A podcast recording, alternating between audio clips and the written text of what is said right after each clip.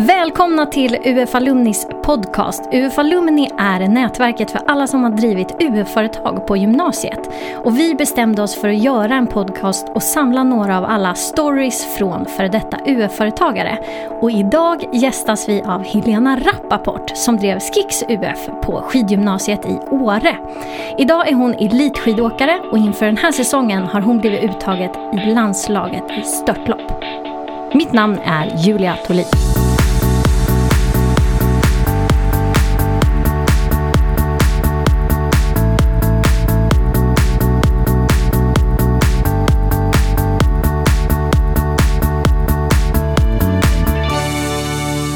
Hej Helena! Hej Julia! Du, um, i introt så hörde man att du precis har blivit uttagen till landslaget i störtlopp. Ja, i fart. I fart. Fartgrenarna. Så säger man. Vi har hållit på att kalla det för störtåkning här. Jag vet inte var jag har fått det ifrån. Men och ni är nästan rätt. I fart. Fartgrenarna. Super-G och störtlopp. Ja, de som inte vet skillnaden på det. Ja, eh, om man ska se det som att storslalom är grunden då är det lite, det är ungefär 30 meter mellan käpparna. Så man är lite lagom svingar kanske för gemene man. Och sen lite längre avstånd mellan käpparna, då är det super-G. Och ännu längre, nästan ingen sväng alls, är störtlopp. Just det. Det tror jag alla förstår. Mm. Bra, bra pedagogiskt beskrivet. Ja, bra, bra jag försökte. eh, men jag, eh, när vi pratades vid här i, igår så um, berättade du att du var på väg till Sofiahemmet. Ja. Och det är ju någonting som man ställen som man inte vill besöka om man har liksom sin kropp som sitt verktyg när man Exakt. utför sitt jobb. Ja, helst vill man inte vara där alls. Men nu har jag tyvärr ramlat då på skidor när jag tränade här förra veckan. Eh, och har ju trillat knät lite. Eh, och det gör ju att jag inte kan göra mitt jobb tyvärr. Mm. Eh, som du sa, min, min kropp är mitt verktyg. Så nu får jag inte åka skidor på ett tag. Det är så tråkigt. Ja, det suger. Det är jättetråkigt. Men eh, jag tänker att vi kanske kan... Vi zoomar ut lite från att det suger just nu. Mm. Och sen så ser vi på det stora hela. För att det är ju ändå en riktigt häftig milstolpe att du har blivit, fått en ordinarie plats i landslaget. Det är så häftigt. Och ja, det, jag tycker vi zoomar ut. Ja, det gör du. Men eh, berätta, vad är egentligen skillnaden för att du det är inte så att man sitter eh, hemma och väntar på att, att den telefonen ska ringa och så åker man inte så länge utan du är ju liksom eh, elitsatsande och sen så kan man få det där samtalet. Vad är skillnaden? Vad, vad blir liksom de praktiska skillnaderna från att få en plats i landslaget? Ja, men jag har ändå kämpat några år mm, på egen hand men såklart med jättemycket stöttning eh, för att ta mig in i landslaget. Eh, och nu när jag har gjort det, det är Eh, det är väldigt stor skillnad. Nu tävlar jag liksom för något större än bara mig. Nu tävlar jag för Sverige. Eh, och man kan nästan se det som att jag med all den uppbackning jag har nu av tränare och bara ekonomiskt men liksom, ah, det är många människor bakom mig som har valt mig för att de tror på mig och för att jag eh, ja, ska representera Sverige. Så det är en enorm skillnad vi lever ju på sponsorer eh, som idrottare. Och eh, det jobbet sköter de nu. Det är superhäftigt. Det måste ju vara en så otrolig så här, mental avlastning att inte behöva hålla på och med allt rodd bakom. Verkligen. Alla, eller många kan ju känna igen sig hur det är bara att åka på en vecka till Sälen. liksom med alla grejer. Och det där är liksom din vardag. Ja, jag har mycket logistik eh, och planering.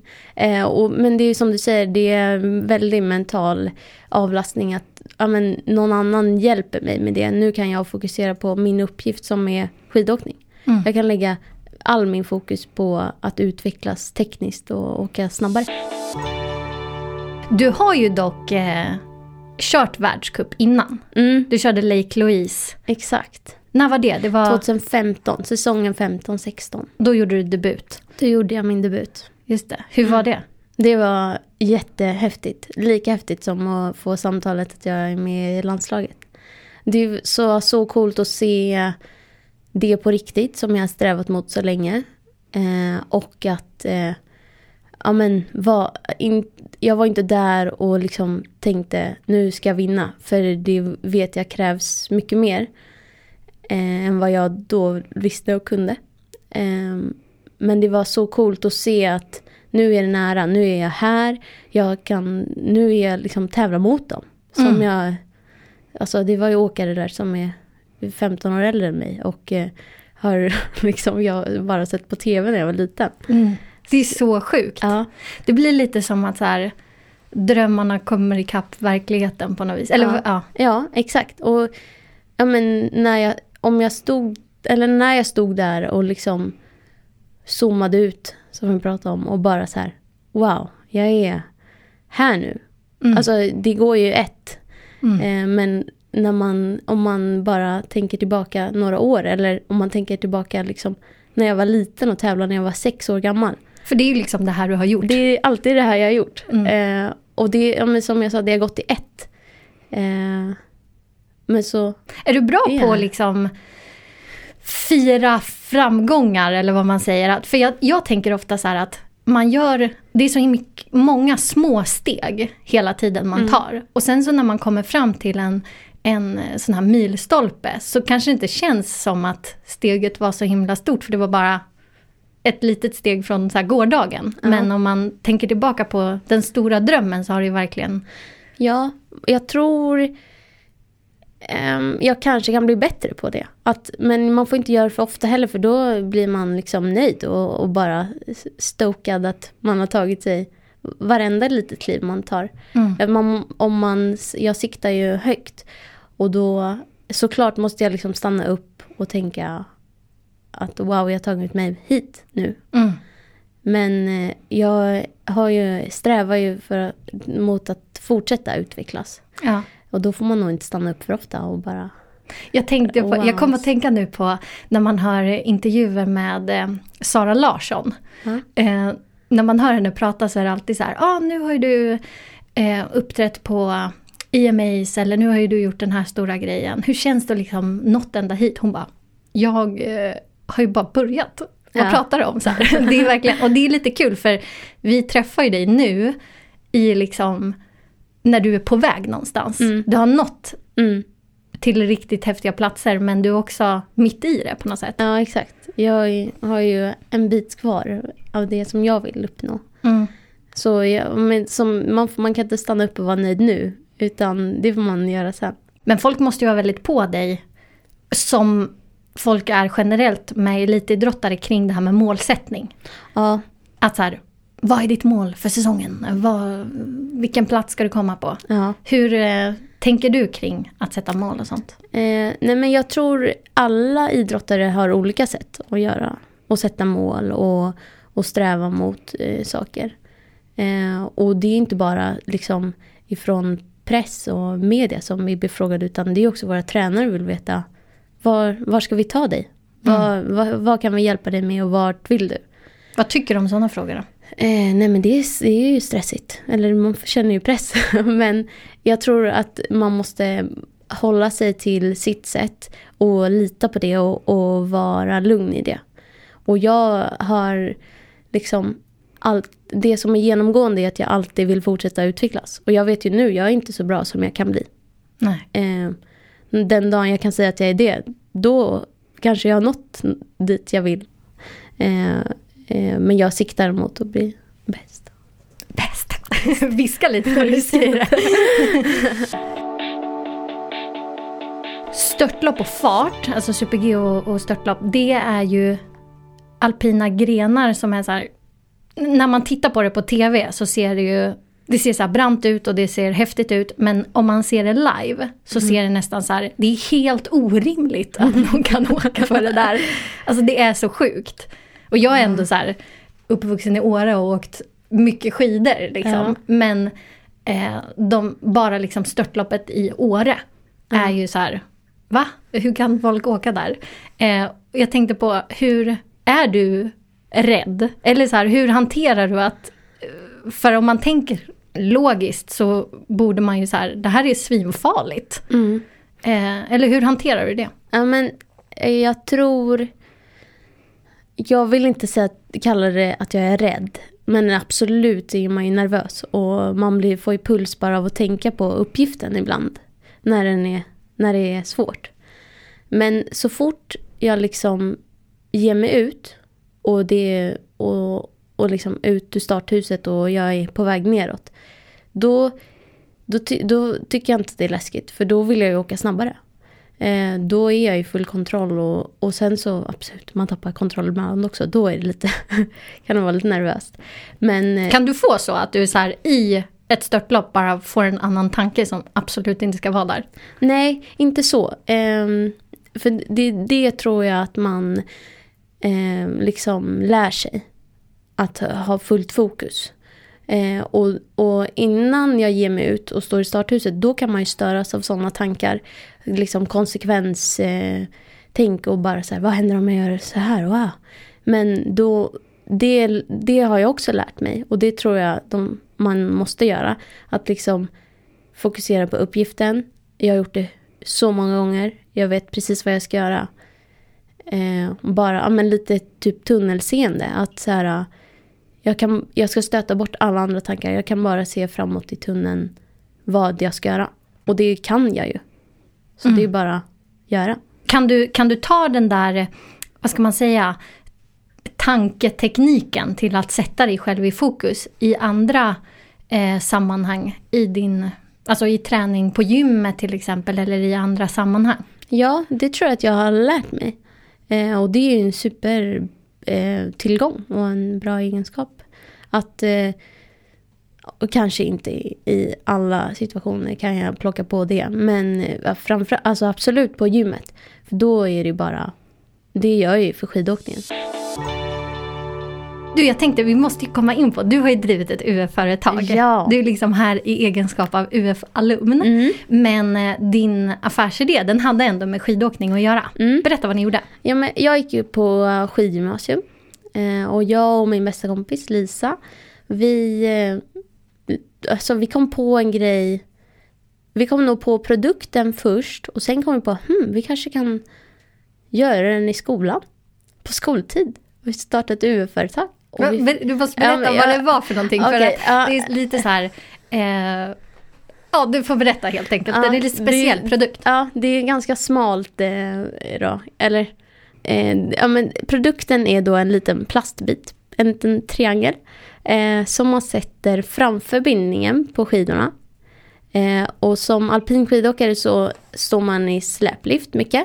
Och när man står i släplift så är det ganska skönt att liksom nu visar jag. Det... Men du, hon, är, hon, tar liksom händerna nästan under armarna ja, och ser ut som att du hänger på stavarna. Ja, mm. exakt, man sätter stavspetsarna på de här plastbitarna framför bindningen. Och så hänger man med stavarna i armhålan. Eh, liksom. Och det här kanske folk gör, men vad varför? För att eh, jag brukar ju sätta dem i de här hålen som ja. sitter på bindningarna. Och det är ju ajabaja. Varför då? För där nere i de hålen så sitter det skruvar. Om du trycker med staven på den skruven så kommer den aldrig gå att få upp. Ja, just det. Eh, så dels för att liksom, ja, men inte förstöra materialet. Den här plastbiten kan man ju bara slänga sen. Eller liksom, den kan ju ta massa stryk och sen slänger man den. Och då är skidorna fortfarande fräscha. Men sen också, eh, vi tänkte ganska mycket på andrahandsvärde. Vi, har ju, vi får ju, eh, ja, nu, det här är ett stort system att förklara, men vi får ju, jag som är ganska snabb på att åka skidor får snabba skidor. Och så den som är lite långsammare får nästa sortering och så fortsätter det så. Och mm. då om, när mina skidor, när jag har åkt klart på mina skidor, då kanske det är någon som är på en lägre nivå som har nytta av dem. Och då vill man ju att de ska vara så fräscha som möjligt. Då kan man bara byta skicks. Ni vann ju eh, pris på SM i Ung Företagsamhet. Mm. Eh, för eh, andra pris i eh, Årets produktutveckling. Exakt. Mm. Hur var det att vara på SM? Ja, det var så häftigt. Vi, när vi, ja, men som jag sa, det började med att vi ville göra produkten. Sen kom vi på att vi kunde göra UF-företag. Och så gjorde vi UF-företag. Och så blev vi liksom pressade att nu måste ni tävla, det här är hur bra som helst. Men vi fattade nog inte det. För vi tänkte så här, ja men det är ju bara vi som har nytta av den här. Ja, men, typ som att ni tog fram den lite för er för, egen användning. Ja, exakt. Ja. För oss. Eh, men eh, så tävlade vi och det, vi var helt chockade. Alltså det gick ju hur bra som helst. Och, och vi förstod att liksom även för den som inte har användning av produkten så var det liksom en riktigt bra produkt i den marknaden och branschen som vi är i. Mm. Och det är ju trots allt en ganska stor marknad, bara att man får tänka globalt direkt. Ja, exakt, mm. exakt. Men den här produkten, den, eh, ni drev inte vidare företaget, men produkten? Mm, den fick leva vidare. Ah. Eh, POC, som är ett, eh, de håller på med säkerhetsprodukter för skidåkning. Och är ganska stora. Hjälmar och? Hjälmar och glasögon och skydd i, alpint och sådär. De, eh, de ville göra produkten själva. Eh, så det var ju jättehäftigt. Den fick, den fick liv. det är ändå coolt. Aha. Från att ni bara så här, det här vore en bra grej att ha. Exakt. Och mm. bara ja, men för oss själva. Och sen så, ja men det blev ju jättebra. Du är ju företagare nu också. Man mm. är ju det som, som idrottare. Exakt. Det är många som inte tänker på det. Nej. Nej. Eh, nej min verksamhet är ju skidåkning. Eh, och professionell skidåkning. Och, så det underlättar väldigt mycket att jag har en, ett eget bolag som eh, jag kan jobba med mina sponsorer. Har du någonting att dela med dig kring hur man kan få en sponsor? Eh, ja, nej men det gäller att eh, se sitt eget värde för andra. Eh, och hitta någon slags, ett sätt att samarbeta. Eh, där, som i mitt fall, där jag kan erbjuda exponering Eh, på mina kläder som jag syns i. Eh, jag kan erbjuda exponering i mina sociala kanaler. Eh, och jag kan också dela med mig av det som jag lär mig utav det jag gör i elitidrott. Som kanske inte alla har fått hålla på med. Du menar att du kan ta till exempel det här kring hur du tänker rent mentalt, det här med fokus och Precis. målsättning och sånt. Fokus och målsättning, hur man kan liksom fokusera på sin, en uppgift eh, och skjuta ut allt annat som stör. Till exempel. Jag tror att det inte är så många som tänker att man är företagare som idrottare. Man Nej. ser liksom inte det. Nej. Men det är ju ett verktyg för att kunna finansiera det man gör helt enkelt. Precis.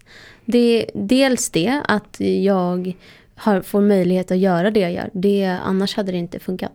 Eh, men också att jag ska liksom se mig själv som eh, ja, men, jag inspirerar folk eh, och, och som idrottare eller som någon annan som kan bli sponsrad så, så rör man människor. Liksom. Mm. Men eh, jag tänker då, okej, okay, så man, man måste hitta någonting som är eh, se sitt eget värde och hitta något samarbete som kan funka. Men hur går det rent praktiskt till? Ibland kanske det är så att det är självklart så här, du har, är nu med i landslaget så nu kanske så här, någon, man får samarbetspartner såklart genom eh, att du är med där. Men eh, kan du också, har du också någon gång så här eh, försökt att hitta en sponsor? Ja, absolut. Mm. Hur går det till, tänker jag? För det kanske kan vara nyttigt. Eh, ja, man måste samla lite kraft och mod. Eh, och det gäller att jaga lite. Man får mest troligt fler nej än ja.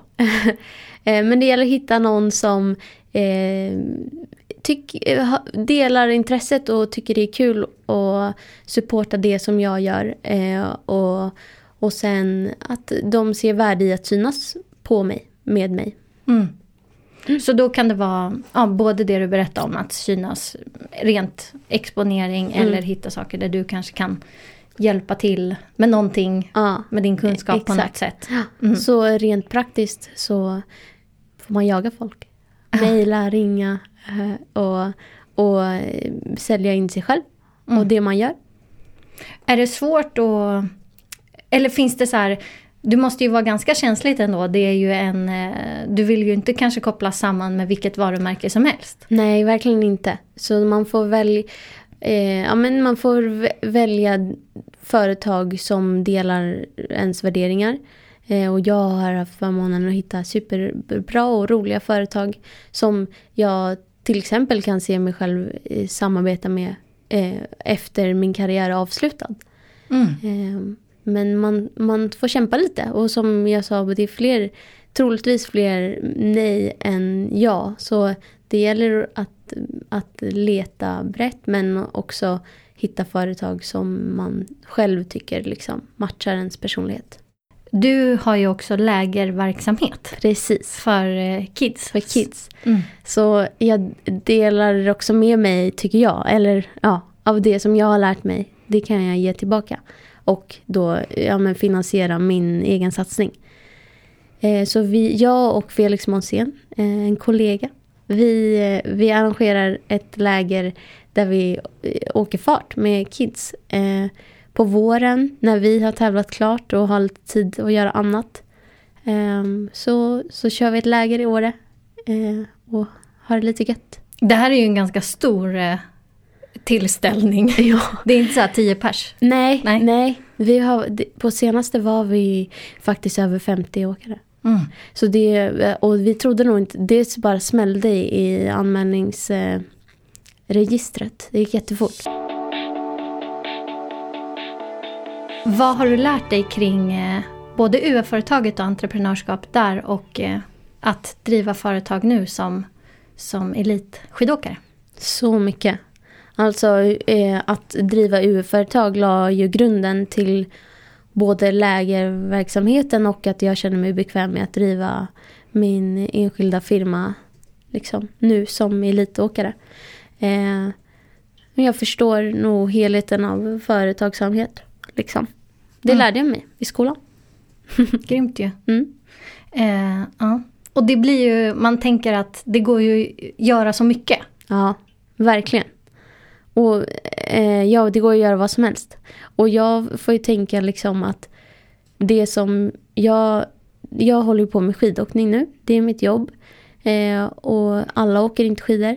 Men det som jag har lärt mig längs den här resan jag är på så liksom får jag dela med mig av det som jag kan. Eh, och då kids som åker är ju den perfekta målgruppen för det men också med företag som, som samarbetar med mig där jag kan lära ut, ja, men som vi pratar om med målsättningar och Ja, men all, alla delar av elitidrott egentligen. Det känns ju för övrigt som en ganska så klassisk efterkarriär ja. som ja. idrottare. Att man blir ja. så här, komma på, runt på massa bolag och, och inspirationsdagar och ja. föreläsa om hur man sätter mål. Ja, men jag kanske hellre hade pratat om eh, det här som vi sa med att fokusera. Mm. Faktiskt. Att, att, stänga, ha... ut, att stänga ut eh, tankar som stör och bara fokusera på uppgiften. Mm. Det tror jag många kan ha nytta av. Ja, det är mycket som, eh, ja, men, eller så som vi lever nu så är det mycket på samma gång. Liksom. Ja, väldigt mycket som fladdrar på huvudet. Ja, du har mer fokus exakt. det vi gör. Man mer fokus. Få, man skulle få mycket bättre resultat, definitivt. Ja, jag tror det. Rappaport heter ju du. Jag tänkte att vi bara skulle säga Eh, för man känner igen det efternamnet på lite olika sätt. Mm. Din faster är Alexandra Rappaport ja. som är skådespelare. Exakt. Mm, så vi har bara sagt det. Så är kopplingen. så är kopplingen. Det är bra att säga saker som folk kanske tänker på. Ja. Eh, och sen så kan man ju också känna igen det från Matilda Rappaport. Mm. Din syster som jättehemskt gick bort för lite drygt ett år sedan i en lavin. Mm. Eh, och vi pratade om det här innan att hur, eller jag frågade dig så här, kan vi prata om det eller hur ska vi göra? Hur tar man upp en sån sak? Det är, det är så fruktansvärt och eh, man vill liksom inte... Ja. Men då sa du till mig att jag vill prata om Matilda. Ja, det vill jag. Ja. Det vill jag nog alltid göra. Så vi håller henne eh, vid liv och alla hennes fantastiska egenskaper. Hon åkte friåkning och eh, var en stor inspiration för många. Det, mm. det, ser man på sociala medier. Det finns den här hashtaggen inspire like Matilda. Mm. Där man kan se hur många liksom... Ja, vi blev helt översvämmade med hur många som hon har rört. Verkligen. Mm. Alltså, det var vi är super eh, sorgligt men så himla värmande. Mm. Alltså att förstå vilket intryck hon har gjort. Mm. Och det är ju det här med att hon eh, också så hade det här fokuset. Mm. Att kunna åka de här stora bergen och... Exakt. Ja. ja men vi, det, hade vi, det har vi till och med pratat om. Alltså uppgiften vi har. Att mm. bara göra det och njuta av det. Mm. Eh, men Matilda, hon har liksom eh, alltid varit där framför mig. Mm. Eh, och jag har alltid velat vara som henne. Som, hon, som lilla syster funkar det ju så. Mm. Eh, och, och hon har inspirerat mig eh, till att göra det jag gör nu. Eh, men också bara till den jag har blivit. Hon är liksom en del av mig. Och Mm. har alltid varit min förebild. Stor inspiration. Mm, verkligen. för många. Det var så häftigt. Jag var i eh, LA och hälsade på en kompis, Sofia, som också, alltså det är så knäpp koppling, men hon bodde ihop med Matilda på Mm, skidgymnasiet. Exakt. Matilda gick också på skidgymnasiet, Ja. Sofia. Och då så var vi inne i en inredningsbutik i Santa Monica och så låg det en bok som hette Skiers Unlimited. Och så när man slog upp första uppslaget så stod det så här att boken var i minne till Matilda. Ja. Och det, jag blev så här, det är så häftigt när det är så här över hela världen. Ja. typ, eller att man bara kan, Alltså det, och den boken, jag tror kanske den heter jag kanske sa fel namn. Nu kommer jag inte ens ihåg själv vad den hette. Men eh, eh, ja, det, var, det är en brittisk journalist tror jag som är författaren till boken. Och som har gjort ett reportage där Matilda var med som... Och för Matilda bodde i Engelberg.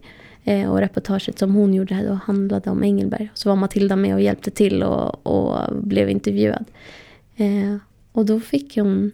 Jag tror kanske... Ja, men hon måste gjort ett ganska stort intryck om skidåkning för den här eh, författaren som bara skrev eh, om skidåkning. Det Mm. var Matilda liksom. Mm.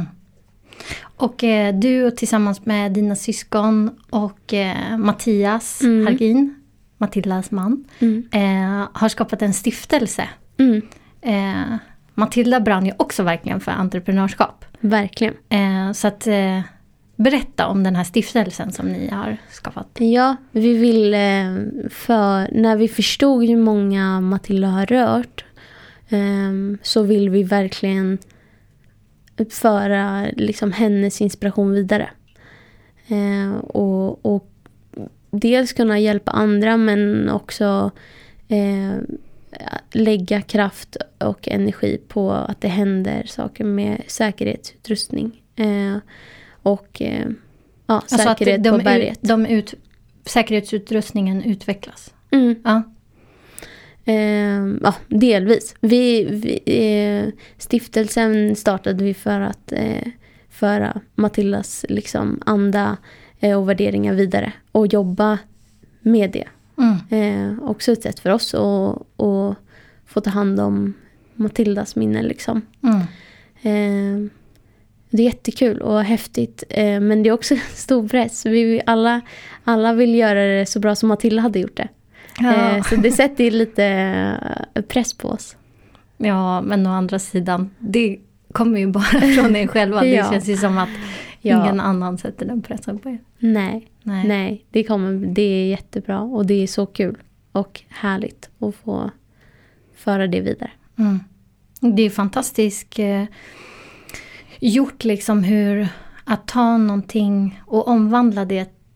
På något sätt så här, kanalisera i någonting, göra någonting praktiskt. Mm. Praktiskt sätt att, att hylla henne. Mm. Och ett sätt för er att också liksom nyttja eran entreprenöriella Mm. sida. Ja, exakt.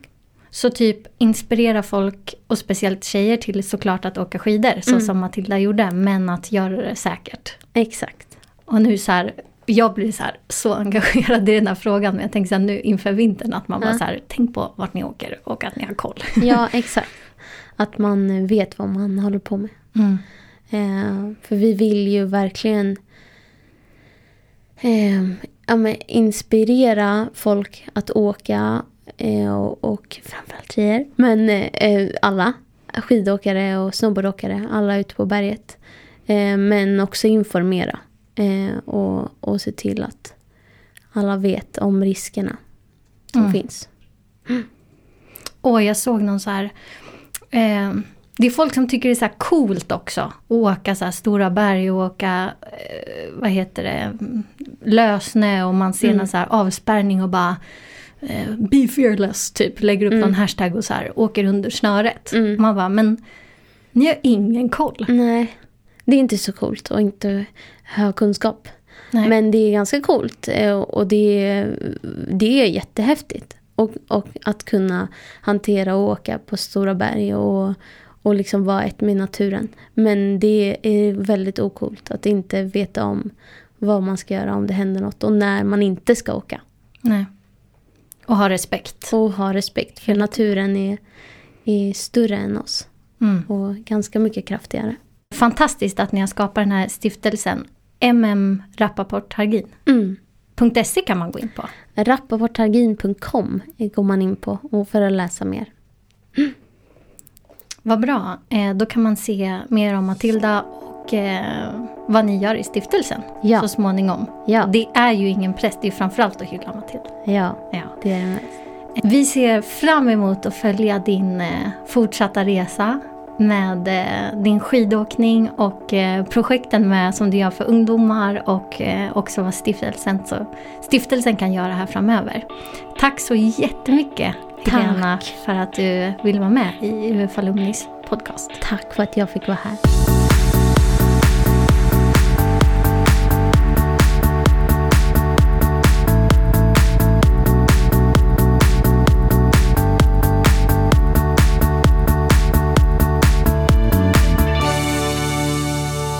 Just lyssnat på UF Alumnis podcast. Ta del av fler inspirerande alumni-stories. Gå med i UF Alumni du också. Surfa in på ungföretagsamhet.se ufalumni. ungföretagsamhet.se ufalumni.